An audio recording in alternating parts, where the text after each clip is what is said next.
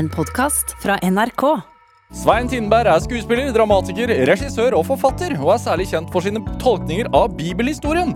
Tindberg har vært tilknyttet Det Norske Teatret i Oslo i en årrekke. Han har spilt i et stort antall filmer og TV-serier, og han har mottatt både Hedda-prisen, Kritikerprisen og Brobyggerprisen for sitt arbeid.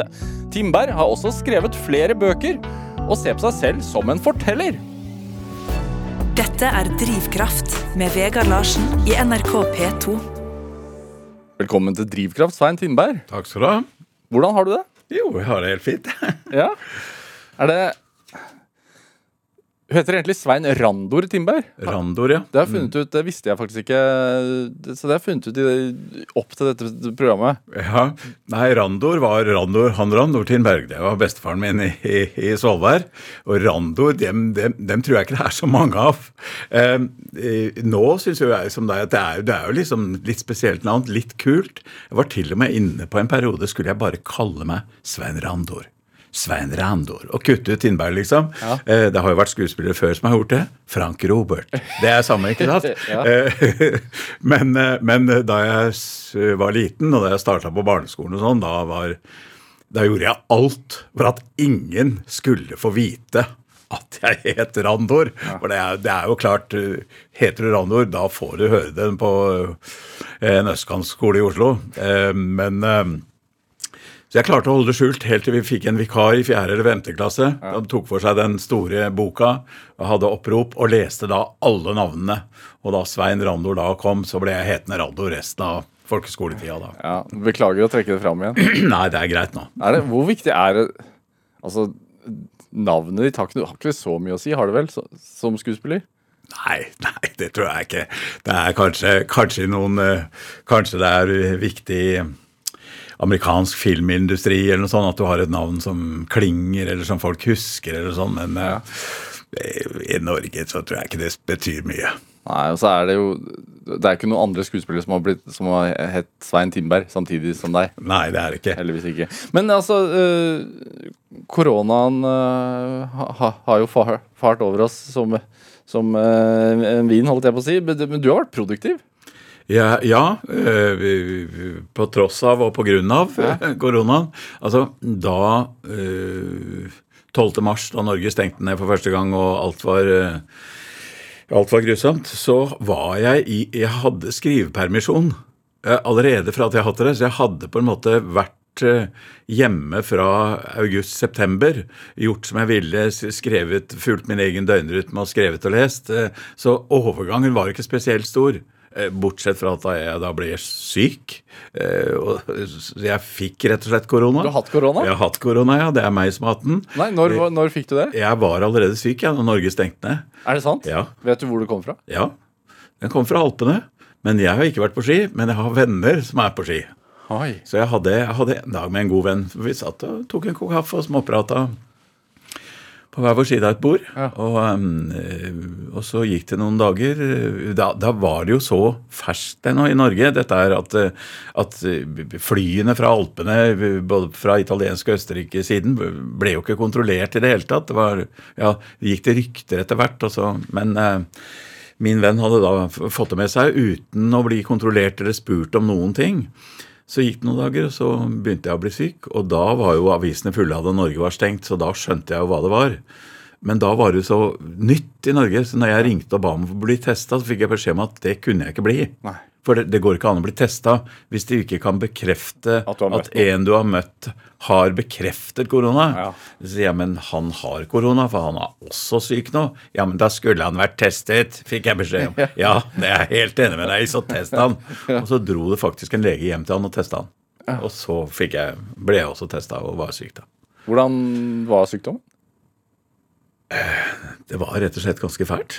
Ehm, det, jeg var, både jeg og kona mi var veldig syke. Altså, Sånn Aldersmessig så er du jo i risikogruppen. Helt klart. helt klart. Eh, Der er kona mi litt bedre stilt enn meg. Hun er litt yngre enn meg. Men, eh, men, eh, men ja, det var skummelt. Jeg syns egentlig det. det var, I starten så tenkte vi liksom sånn Wow, ja ok, nå skal vi være syke begge to, og du kan være hjemme sier jeg til Jannicke. Så nå liksom, nå skal vi sette alle de Netflix-seriene vi burde ha sett, og Fordi at det og- begynte lett? da? ja, ikke sant. Du vet, ja. Det begynte billett, det var feber og regn. Så egentlig etter to dager så var det ikke så verst. Så, og tenkte at alle de bøkene skulle få lest nå. Men det var bare å glemme. altså. Det var 14 dager hvor vi nesten ikke veksla et ord. Vi flytta på en madrass på stuegulvet, og en av oss lå på den, og en av oss på sofaen. og Fikk mat levert på døra av gode venner og, og, og, og sønner. Og, ja, var veldig syke. Vi var jo aldri på sykehus. Eh, og, ja, det var, det, altså, bortsett fra pustehjelp, så er det ikke så mye man kan gjøre. Nei, nei, ikke sant. Og når du ser de bildene fra sykehuset, så tenker du jeg er veldig glad jeg, jeg slapp det. Men, men dårlige var vi. Det var vi absolutt. Men du sier veldig syk. Ja, altså det var Nå er det jo så mange forskjellige sånne koronasymptomer og sånn, men hos oss var det først og fremst dundrende hodepine og høy feber.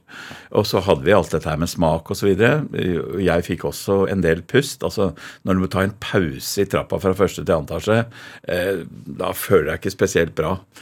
Så det var liksom en morgen hvor jeg vurderte om, eh, om er det innleggelse nå. Men så snakket jeg med fastlegen i telefonen, som for øvrig var veldig flink. Fulgte opp veldig, ringte. Og også lokalt smittevernskontor ringte og spurte hvordan har de det i dag og sånn. Ja. Så jeg følte liksom at vi ble sett og ivaretatt. Eh, Men eh, da fikk jeg Ja, etter en prat med legen ble vi enige om å følge opp og vente en dag, og så det, ble det noe bedre da. Så jeg slapp sykehuset. Og det var jo samtidig som man begynte å skrive masse om det. Ja. Og det var fremdeles nytt og ukjent. Ja, Det var helt forferdelig. For at, at liksom du lå der og, på en madrass på gulvet og gispa etter luft, og så tok fjernkontrollen og skrudde på. Uansett hvilken kanal det var, så var det jo bare mennesker som døde. Det, var, det var egentlig ganske skummelt. Ja, For du var redd. Ja. Ja. Um, Hva tenkte du da? Nei, altså jeg gikk vel ikke så dypt inn i skal, Er det nå jeg skal dø? Det, sånn, men allikevel så er det jo til syvende og sist eh, det jeg var redd for, da. Ja. Eh, eh, en ting til. Jeg rakk jo da å smitte noen venner. Det syns jeg kanskje var det aller verste. En av mine venner, som da er litt eldre enn meg og litt større enn meg, ble veldig syk. Og han ble lagt inn på sykehus. Og det var helt forferdelig, altså. Altså fordi at eh, Ja, Du var syk i tillegg og hadde dårlig samvittighet. ja, veldig dårlig samvittighet. Og jeg skjønner jo om hodet mitt at det er ikke noen grunn til det. Jeg var uskyldig i, i å ha blitt smitta like mye som uh, han som smitta meg, var uskyldig. Eh, Men allikevel å ha følelsen av at hadde jeg bare ikke besøkt dem den kvelden, så hadde han vært frisk nå, da hadde ikke han ligget på sykehus. Og hvordan skal det gå med han? Det var helt forferdelig, altså. Så Hvordan gikk det? Ja, nei, det gikk heldigvis helt fint. Eh, Så han hadde noen dager på sykehus, men kom ut og har ikke noen ettervirkninger, så Og ikke bitter. ikke bitter, nei. Har du noen ettervirkninger? Nei, jeg trekker litt på det, hører du, fordi at eh, jeg har vel hatt eh, litt eh, Straks det kommer litt forkjølelsestendenser, så sliter jeg litt mer med pusten enn jeg gjorde. Så om dette er bare fordi at jeg blir eldre og eldre og eldre, og eldre eller om det har noe med koronaen å gjøre, det er jeg litt usikker på. Men likevel så har du jo klart å skrive, da. Etter at du blir frisk. Ja, ja, det har jeg gjort. Eh, ja, det har jeg hatt stor glede av. Så jeg har holdt på med forskjellige prosjekter der og, og levert inn nå, faktisk nå i løpet av de siste tre ukene, så har eh, sønnen min og jeg eh, han, eh, jobber, han er lærer, men han jobber også mye lyd. Så vi har laget lydbok av den første barneboka jeg skrev, altså 'Charlie drømmevandrer'. Så den er levert inn. Så har Kjetil Bang-Hansen og jeg vi eh, har jo jobba sammen et, et helt menneskeliv. Altså regissøren. Ja. Regissøren Kjetil Bang-Hansen, ja. Så vi har sittet og skrevet sammen og levert inn tekst til en ny monolog, altså den siste vi skal gjøre sammen eh, på Norsk Teater. Den skal ha premiere om et år eh, og skal hete Gudspartikkelen. Altså møtet mellom tro og vitenskap. Og så har jeg levert inn manus til barnebok nummer to om Charlie, om Charlie drømmevandrer.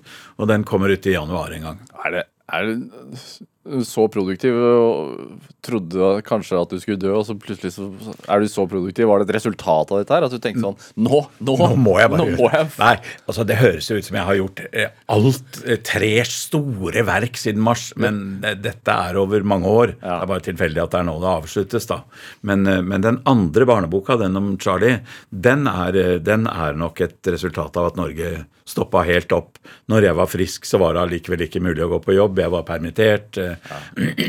Sommeren, nå høsten, har jo vært eh, ja, jeg har ikke spilt noe annet eller gjort noe annet enn å eh, spille noen Abrahams barn en gang imellom. Og da har jeg hatt tid til det. Ja. Og, og så hadde jeg på en måte hva skal jeg si, Med den første boka om Charlie så hadde jeg etablert et univers som jeg kunne gå inn i, så det var lettere å begynne på den andre boka. Og så ja, lukke øynene og gå på besøk i det universet. Og det har vært kjempegøy. Ja, jeg er i hvert fall veldig glad for at du sitter her, fra en Svein her. Dette er Drivkraft med Vegard Larsen i NRK P2.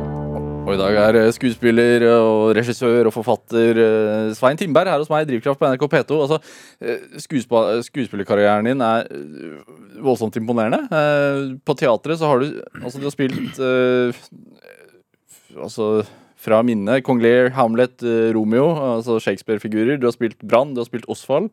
Uh, Ibsen-figurer. Sikkert Og mange, mange flere. Knappestøperen nå sist. Hæ? Knappestøperen nå sist Knappestøperen i Peer Gynt, ja. Eh, hva har du lært av de figurene? Det, er, jeg, det klarer jeg ikke å si på én setning, men det er klart at som, eh, det å få lov å jobbe med Altså Når du jobber et helt liv som skuespiller, så er det jo mye stykker som ikke er helt fantastiske òg. Det er mange stykker som du liksom kjenner i uke tre at nå vet jeg alt om både denne figuren, i uke to og i uke én til og med. Nå vet jeg alt om dette mennesket, og nå er det egentlig bare snakk om det tekniske for å få dette stykket på plass. Eh, og de rollene fins det jo selvfølgelig mange av i verdenslitteraturen og i moderne litteratur. Men av og til så kommer du over den type litteratur som du akkurat nå nevnte.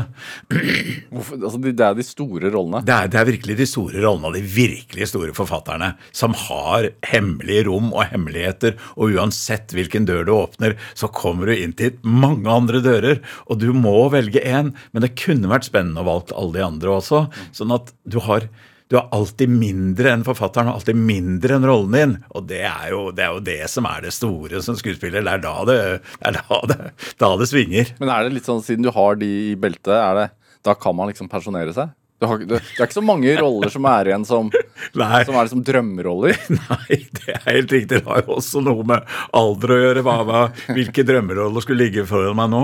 Pa, faren til Pippi Langstrømpe? Nei, jeg vet ikke riktig. Nei, jeg har ikke egentlig noen, eh, noen drømmeroller igjen, men, men det betyr ikke det samme som at du har et ønske om å pensjonere meg. Men er det, altså, i, i forhold til det, altså, det spurte hva har du lært av disse figurene, og det er et veldig stort spørsmål. og uh, Dette er jo karakterer med vidt forskjellige menneskelige trekk, eh, og, og, og viljer og lengsler. Eh, men Men sånn i det store og det hele så handler vel det eh, både Shakespeare og Ibsen vil, og det handler vel om å prøve å beskrive hva det er å være et menneske. Altså, Dette er jo så store forfattere at de arbeider med de store, grunnleggende spørsmålene.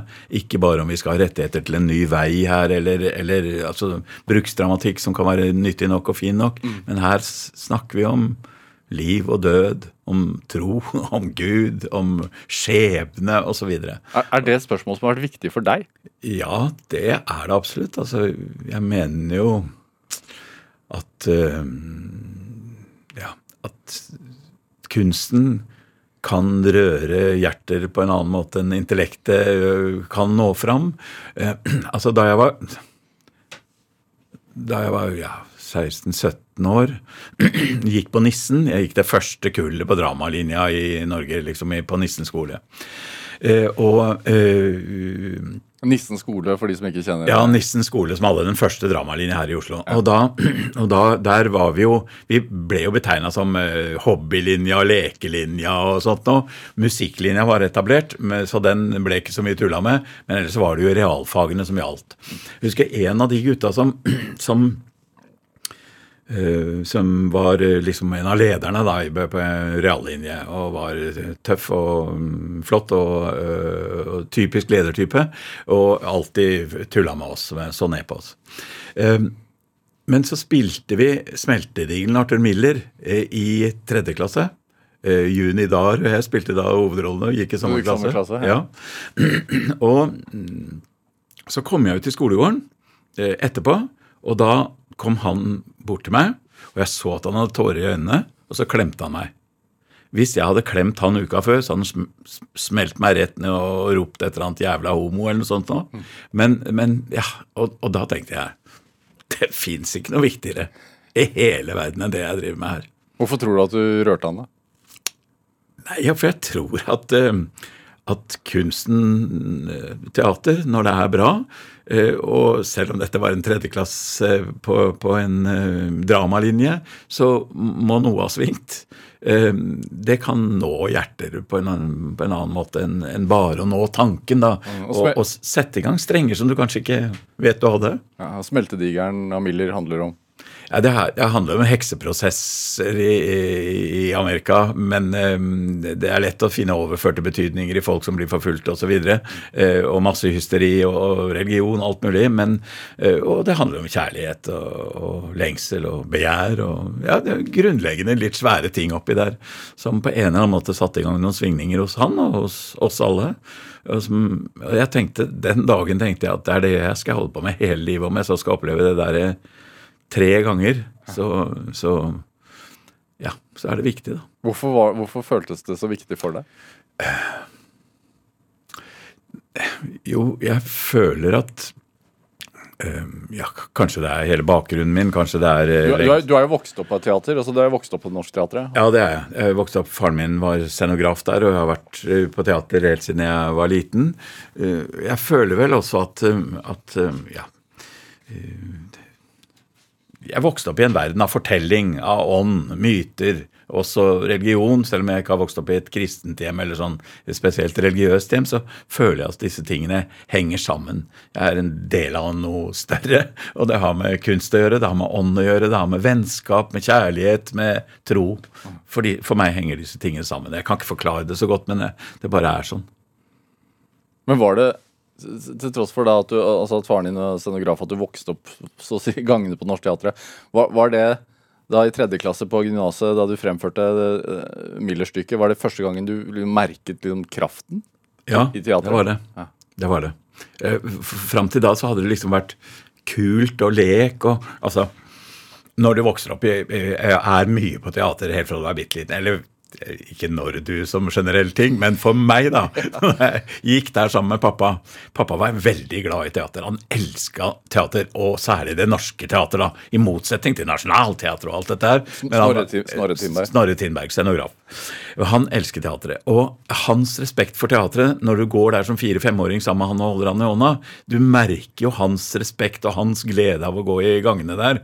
Det smitter så klart over. Så er det jo også en verden altså Pappaene til de andre i, i, i gata eller i, senere på skolen, de jobba på Esso-stasjonen eller på Radionette radiofabrikk eller Ikke sant? Men faren min jobba et sted hvor, hvor alle var de voksne var hele tiden stille og sa hysj. Og det lukta en blanding av sminke og nerver, eh, svette og nerver og, og sminkelukt i, i gangene.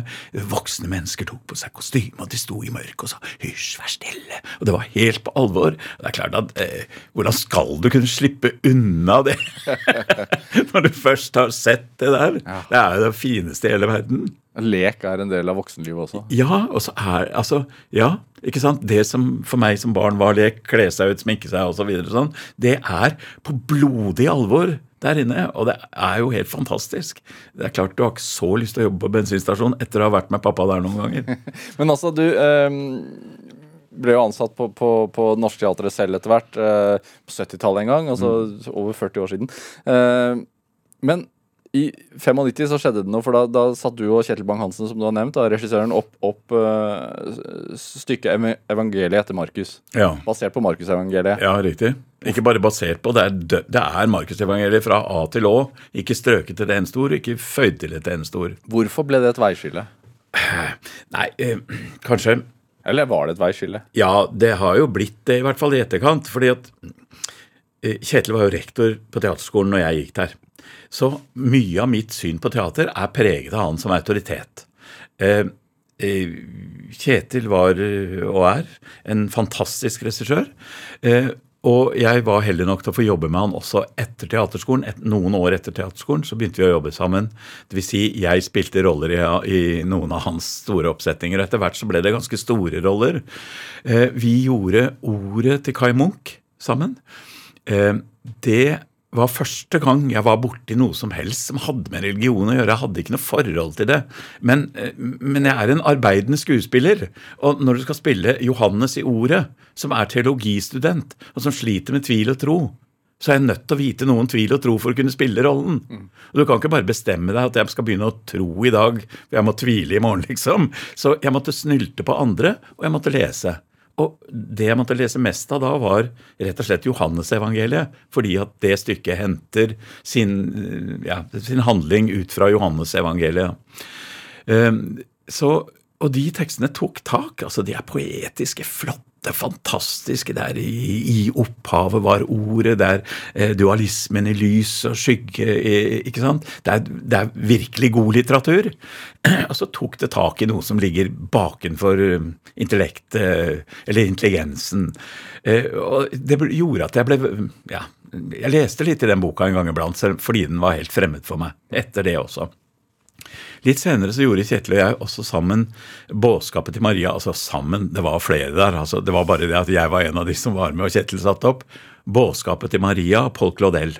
Det behandler også miraklet som tema, akkurat som ordet av Kai Munch behandler miraklet som tema, mm. men fra en mer katolsk syns, øh, synsvinkel. da. Eh, begge de to stykkene tok veldig tak i meg. Hvorfor det, tror du? Det kan jeg nesten ikke forklare deg, men jeg følte et sånt slektskap mellom mellom ånd og tro, på en måte, da. Mellom det jeg driver med og Altså For å være skuespiller så må Altså God, god kunst står alltid på de, de svakes side.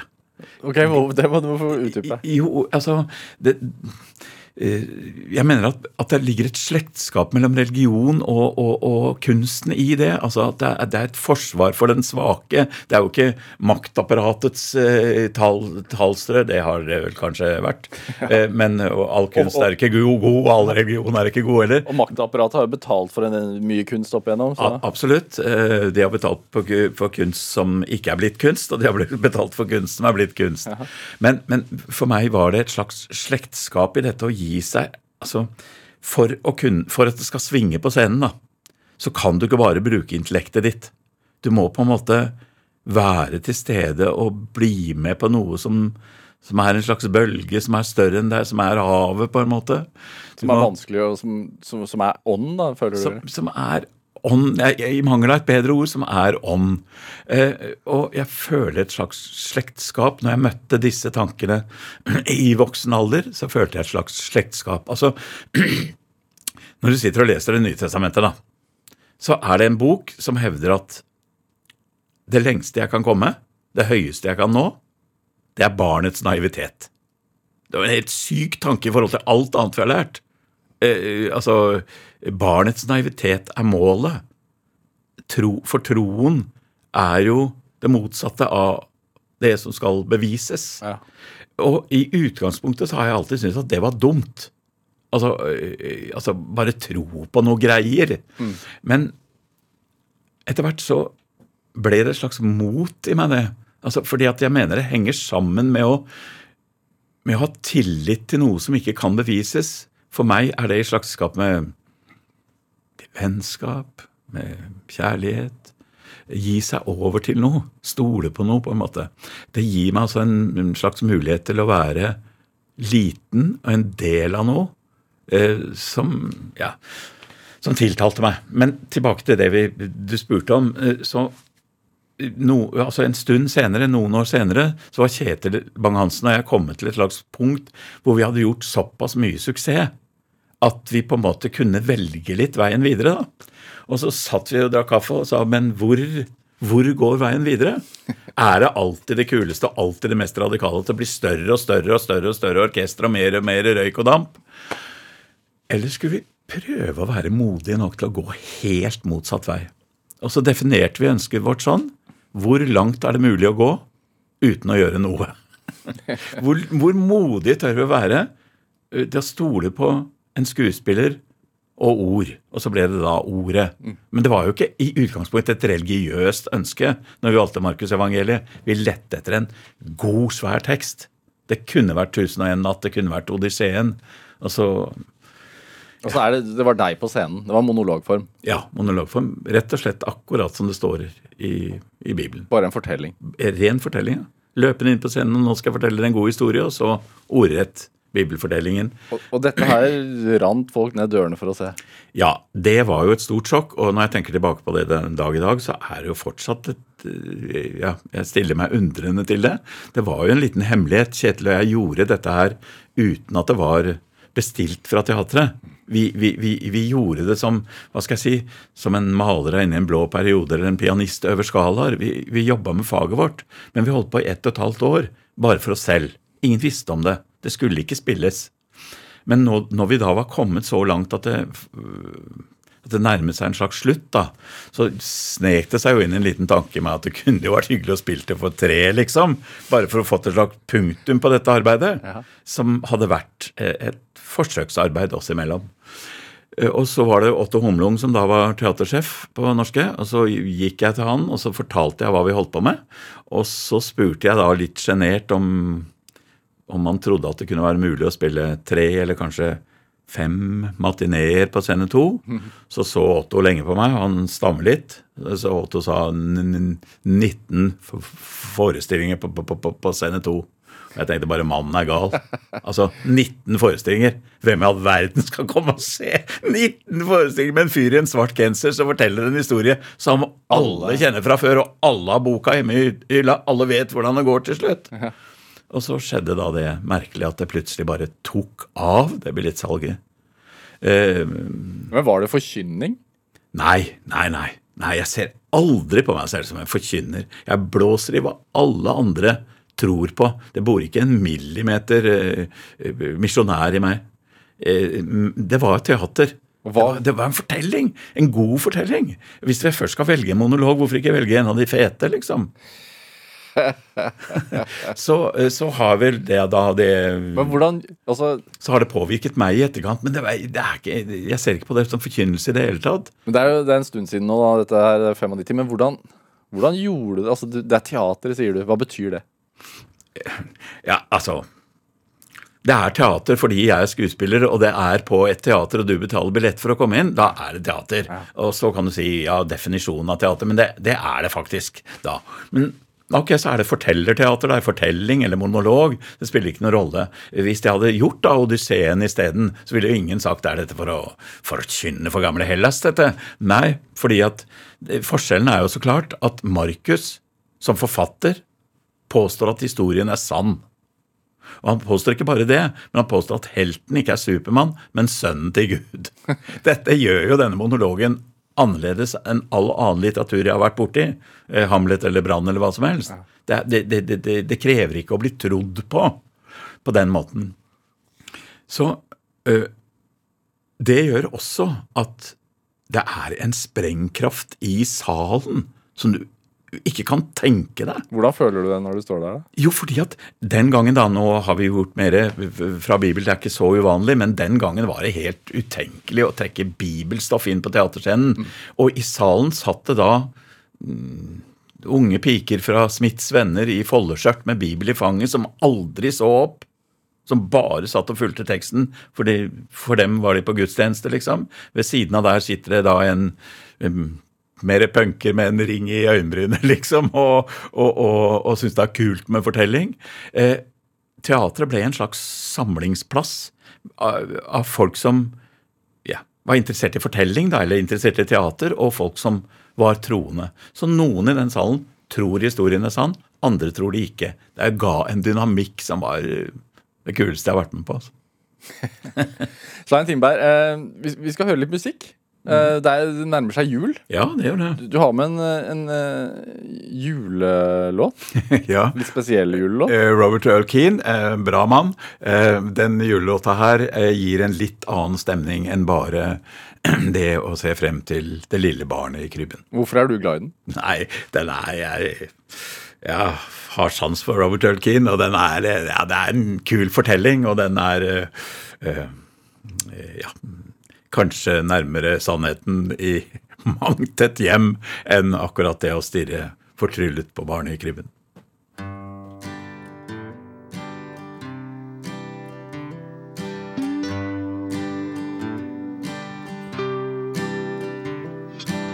Mom got drunk and Dad got drunk at our Christmas party.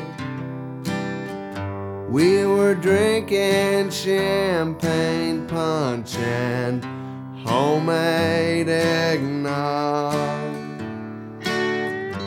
Little sister brought her new boyfriend.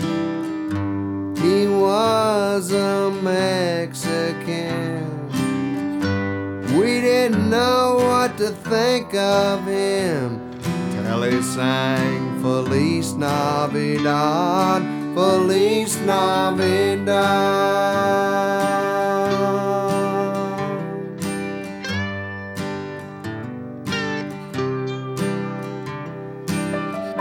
Brother Ken brought his kids with him. The three from his first wife, Lynn, and the two identical twins from his second wife, Mary Nell. Of course, he brought his new wife, Kay who talks all about AA. Chain smoking while the stereo plays. Noel, Noel,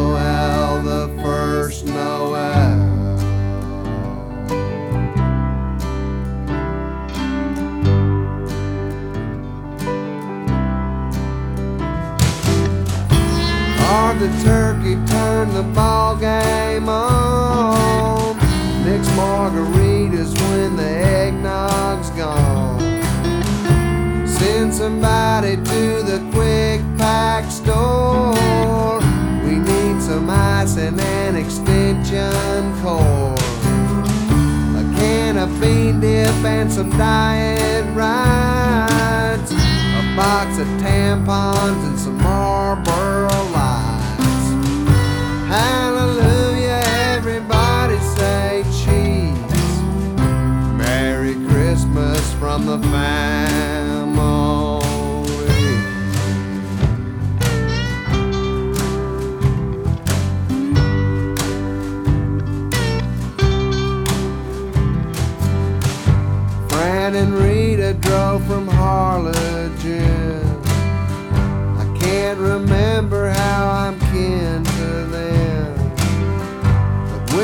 tried to plug their motor home in, they blew our Christmas lights.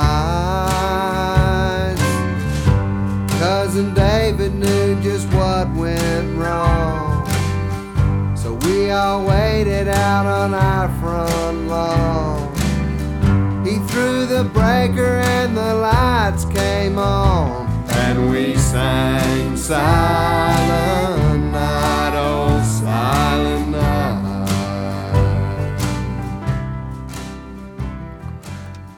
Ja, Du fikk eh, Merry Christmas from the Family av eh, Robert Earl Keane her i Drivkraft på NRK P2. Valgt av dagens gjest her i Drivkraft, eh, nemlig Svein Tindberg. Eh, skuespiller Svein Tindberg. Eh, vi prata om eh, 95, da satte opp eh, eh, Markus evangeliet, eh, eller evangeliet etter Markus, på Det Norske Teatret. Og det vi var innom at det var et slags veiskille, for etter det så har det jo blitt flere bibelske tekster på scenen. Eh, hvorfor er religion interessant for deg?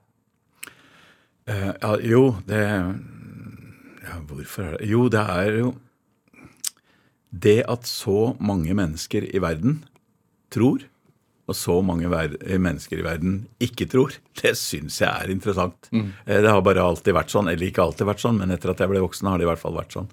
Eh, eh, altså nettopp det spennet mellom å gi seg over til noe som eh, som ikke kan bevises, og at det er et poeng, ikke dumskap.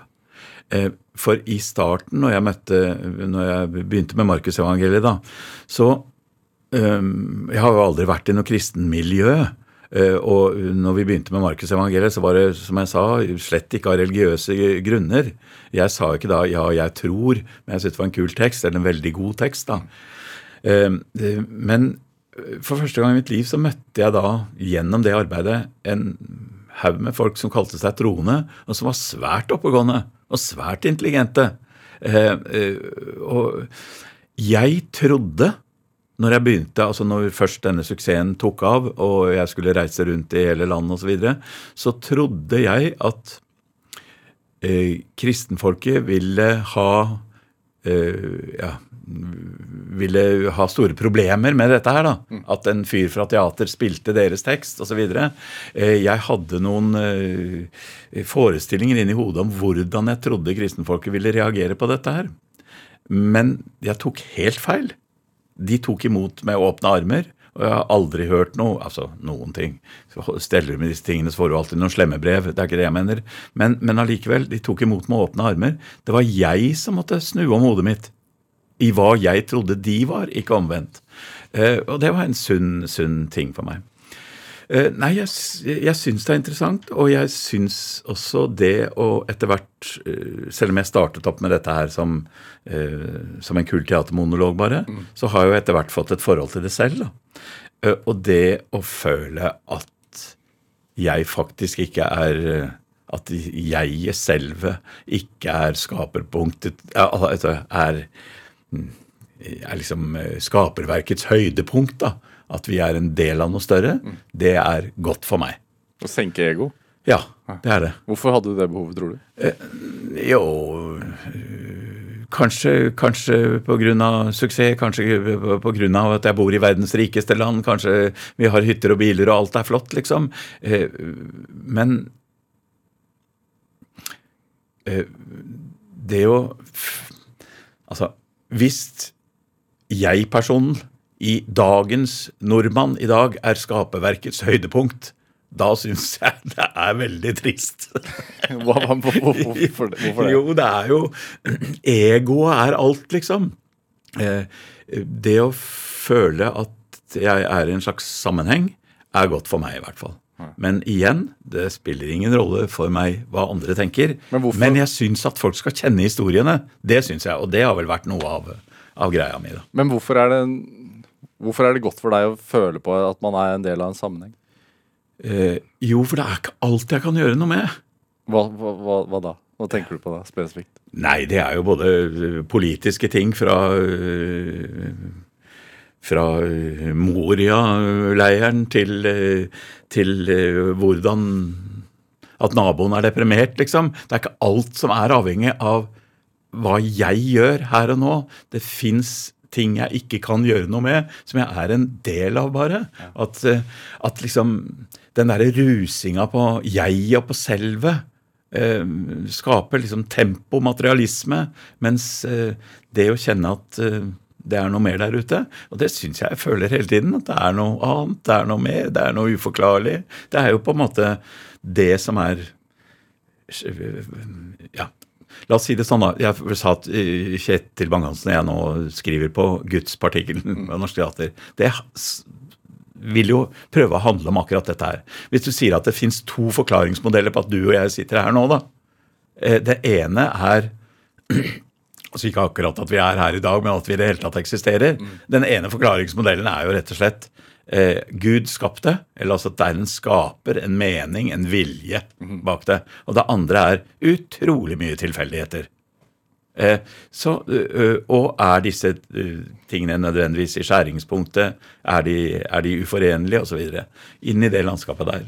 For meg er det spennende. Eh, og det- jeg- For meg henger det sammen med det er, eh, Religion da, er, er bærere av de store tradisjonene, de store fortellingene, på samme måte som det vi snakket om i stad, de store forfatterne er det.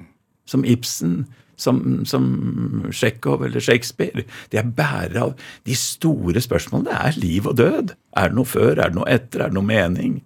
Og, så og det er de tingene som opptar meg mest. Nå høres jeg ut som den skikkelige festbremsen, men, men, men det, er, eh, det er kanskje det som opptar meg mest, ja. Men er det, Er du fra et religiøst hjem?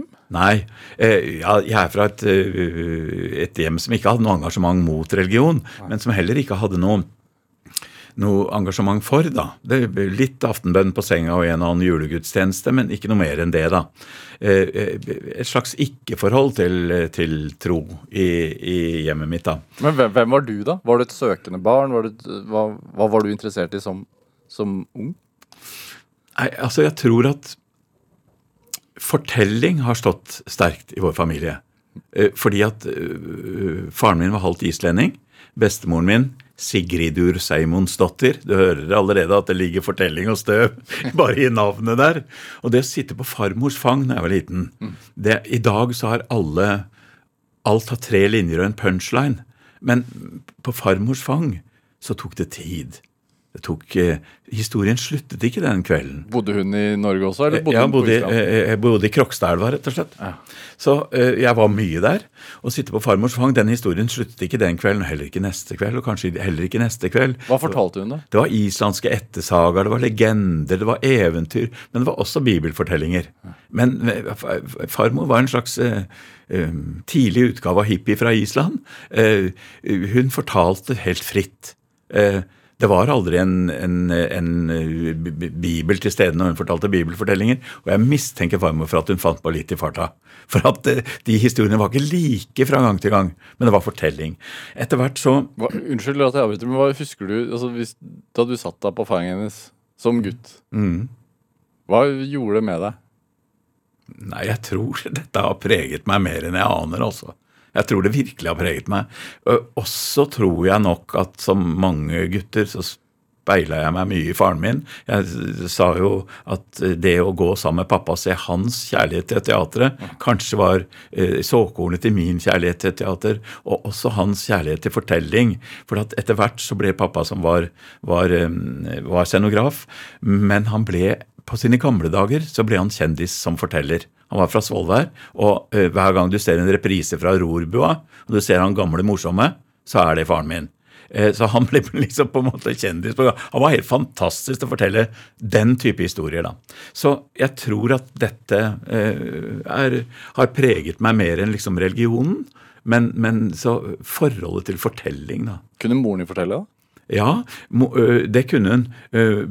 Moren min var fra Bø i Vesterålen og bor i Bø i Vesterålen med nærmeste nabo Jan Mayen. Så, så, så har nok det å fortelle også vært veldig levende i hennes hjem. Da. Så hun hadde også med seg en skatt av sanger, av dikt, av ja, revytradisjon osv. Hvordan Hva er knepet? Kan man lære seg å bli en forteller, eller har man det bare i seg? Nei, altså Nesten alt kan læres, men ikke alt. Hva, hva kan ikke læres? Nei, det vet jeg ikke. Det, da, er det spør, ånden spør, spør, spør, spør du meg, så er det jo et gudgitt talent i bånn. men, men, men det meste er arbeid. Det meste er arbeid. Men det er jo selvfølgelig gleden over å fortelle. Du, eh, vi kjenner jo alle som forteller folk som forteller utrolig lange historier som ikke har noe som helst poeng, og som er kjedelige. Så, øh, men jeg tror nok øh, alle, vil, alle som vil fortelle, kan selvfølgelig bli bedre og lære mer. Men en slags, ja, for å bruke terminologien, en slags drivkraft i bånn må det være der. Ja. Hva, er det hva, hva, altså når, du, når du skal fortelle en historie, har du noe Altså Hvordan begynner du? Så tenker du sånn Nå skal jeg altså, Er du en strateg, eller er det, kommer det bare innifra? Nei, det, det vet jeg ikke helt. Det er jo begge deler. Eh, Det er klart at eh, det er, eh, det er en, en glede, da, hvis det er Ja, det kommer jo an på sammenhengen og hvor det er. Det er forskjell å stå alene i Ibsenhuset i Skien og skulle fortelle for 1000 mennesker enn å sitte sammen med fem stykker hjemme i stua. Men, men det er jo gleden over å fortelle. Men samtidig er jeg jo bevisst at poenget må ligge til slutt og, og, og ikke avsløre osv. Selvfølgelig. Ja. Men du liker den Du liker å fange, da. De fem i stua, men også de tusen. Ja, eh, det gjør jeg. Men som alle skuespillere så er jeg ikke festens midtpunkt på fest bestandig. Eh, Det er svært mange skuespillere som er heller litt tilbakeholdne i selskapssammenheng. Eh, og det kjenner jeg slektskap til. Eh, med, med, da. Og, eh, Jeg hører det. Skuespillere hevder hele tiden at, de at dere er så sjenerte, men Nei, nei, det vil jeg ikke si. Jeg er ikke så veldig sjenert. Jeg og trives sosialt også. Men det er ikke sånn at uh, hver gang vi møtes, så er det liksom Wow, nå skal Svein spille gitar og fortelle historier. Det er ikke sånn i det hele tatt. Men, men uh, Nei, jeg trives sosialt. Det gjør jeg. Men det er viktig for deg, og så er- stammer det tilbake fra, fra farmoren din. Det å Hva skal man si? Målbinde, eller å, å, å fortelle til unge mennesker? Er det noe, har det noe med den sammenhengen å gjøre? Det at den gangen du satt på det fanget og ble liksom Ja. fanget i hennes eventyr? Selvfølgelig. Jeg, selvfølgelig. Eh, Det å sitte på et varmt fang, da, Aha. med lukt av farmor og høre fantastiske historier, eh, så er ikke liksom spørsmål nummer én Men er det sant? Eh, Det er ikke der det ligger. Det er eh, igjen da ånd, myte, legende. Hva er sant? Farmor kunne fortelle eh, om de to englene oppe i himmelen. Det var to engler oppe i himmelen. Farmors historie var lang, jeg skal gjøre den kort for deg fordi vi er på radio. De, eh, begge to står da med et stort flettet tau og drar hver sin kurv opp fra jorden. Og den ene sliter så tungt bestandig. Den er så tung, så tung, den kurven. Den er alltid full, mens den andre bare drar opp. Den er alltid tom. Den engelen som drar så tungt, drar menneskenes bønner, mens den andre drar menneskenes takk. Altså, Selvfølgelig er ikke historien sann, men den lærer deg jo noe. Hva lærte den deg, da? Nei, det er bra å være takknemlig og huske å takke. Dette er Drivkraft med Vegard Larsen i NRK P2. Og i dag er eh, skuespiller og forfatter Svein Tindberg her hos meg i Drivkraft på NRK P2. Altså, eh, du har jo eh, vært opptatt av dette med eh, å utfordre hva skal man si, polariseringen mellom eh, de forskjellige religionene, altså jødedom, kristendom, islam. Du har vært opptatt av, disse, av det her, og, og, og lese de forskjellige tekstene, og, og også prate om det. Hvorfor det? Eh, Ja, Det begynte rett og slett fordi jeg var i Jerusalem for 20 år siden sikkert nå.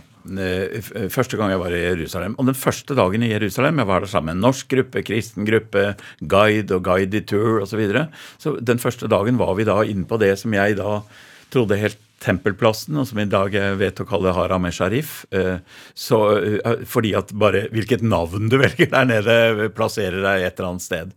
Men i hvert fall, vi var inne på den plassen, altså øh, ved, ved, den, ved gullkuppelen, som vi alle kjenner fra bildene fra, fra Jerusalem. Og så fikk jeg forklart da av den kristne guiden om her er den steinen, og her skjedde det, og dette er her hvor Abraham ville ofre sitt sønn Isak til Herren, osv. Grunnlaget for hele vår tro, osv. Men mens vi var der, så plutselig så strømmer det folk inn fra alle portene. Altså enormt med mennesker, kanskje tusenvis av mennesker, i enormt opprør, sinne, hat, gråt. Og mellom seg så bar de liket av en liten guttunge. Som var da blitt skutt av israelske soldater et eller annet sted. Jeg aner ikke hvorfor, jeg vet ikke hva som hadde hendt, men han var i hvert fall skutt. Eh, Det gjorde at, eh, vi, eh, at plassen ble rydda på et sekund av israelske soldater. Og jeg ble, bare stående der og stirre. For det, var, altså det er noe annet å se det på Dagsrevyen enn å være midt oppi det enorme trykket i det hatet. Men dagen etter så skulle gruppen opp, gjøre noe annet. Men jeg var ikke mett. Jeg hadde ikke sett nok der inne, på en måte. Så jeg dro tilbake alene. Og da kommer en fyr bort til meg og, og spør om, om, om, eh, om jeg hadde billett. Give me your ticket, ticket, ticket, ticket, come on, come on. Og, og jeg visste jo ikke at man måtte ha billett, for jeg hadde vært der på gruppetur, så jeg ble med han til et billettkontor og betalte en haug med penger. For jeg, eh, og, og, og ble, ble selvfølgelig lurt. For man trenger ikke billett der. Det var bare en fyr som eh, lurte meg til å kjøpe han selv som guide. Han, Men, han så en turist. ja, han så en turist. Eh, og, men resultatet var at etter noen timer så gikk jeg rundt og så på de samme steinene og de samme helligdommene med en muslimsk guide. Som fortalte helt andre historier. Ikke noe mindre vakre, ikke noe mindre dypfølte, men om den samme steinen. Om den samme centimeteren av, den, av jordens geografi. Og da, da bare slo det ned i meg som et lyn. Du vet ingenting om islam. Du vet bare ingenting om islam. Hva er dette her for noe? Jeg aner ikke hva han snakker om. Eh, og så ble det en slags hobby, da. Eh, å prøve å finne ut, fordi eh, jødedom er fremmed. Selvfølgelig, jeg skal ikke påberope meg å vite så mye om jødedom, men litt vet vi, fordi det er nedarvet i en jødisk kristen tradisjon. Så litt vet vi, og litt mer vet jeg i dag. Men islam visste jeg absolutt ingenting om, så det ble liksom til at jeg begynte å lese bøker. For å lese bøker om dette, så må du lese bøker om profeten Mohammed, og også da biografier og, og, og ting om han. Så det var jo noen år der hvor jeg ikke leste en bok som var skrevet etter år 600, liksom. Eh, eh, eller 800 i hvert fall, da. Eh, Men for å forstå profeten Mohammed, så måtte jeg altså vite litt om arabisk historie. Og hva visste jeg om ara arabisk historie?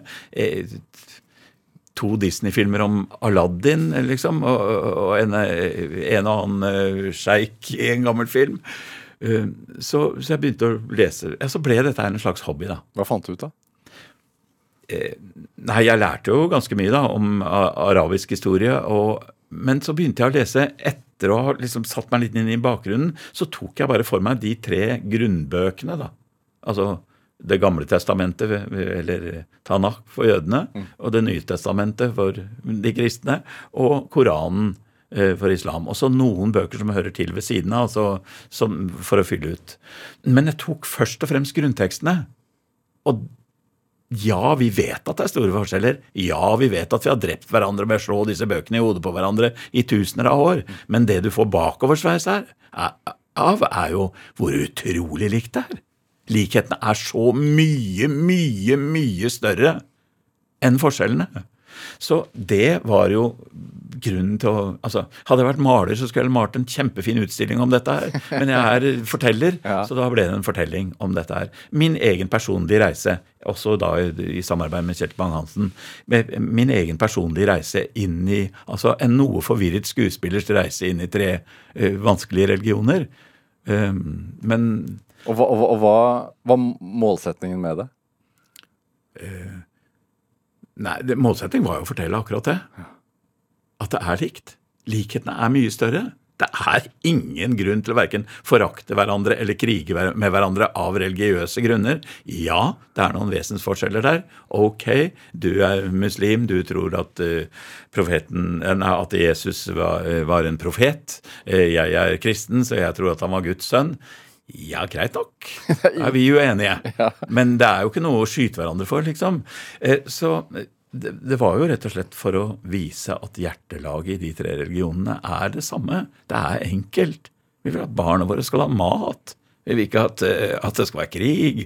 Det er enkelt. Og det er det samme pulserende hjertet inni der. Som, Er forteller, som forteller om en gud, men som forteller om en måte å være sammen på også. Er den eh, humanistiske delen av det, holdt jeg på å si, så nestekjærlighetsdelen, er den liksom ekstra viktig rundt juletider?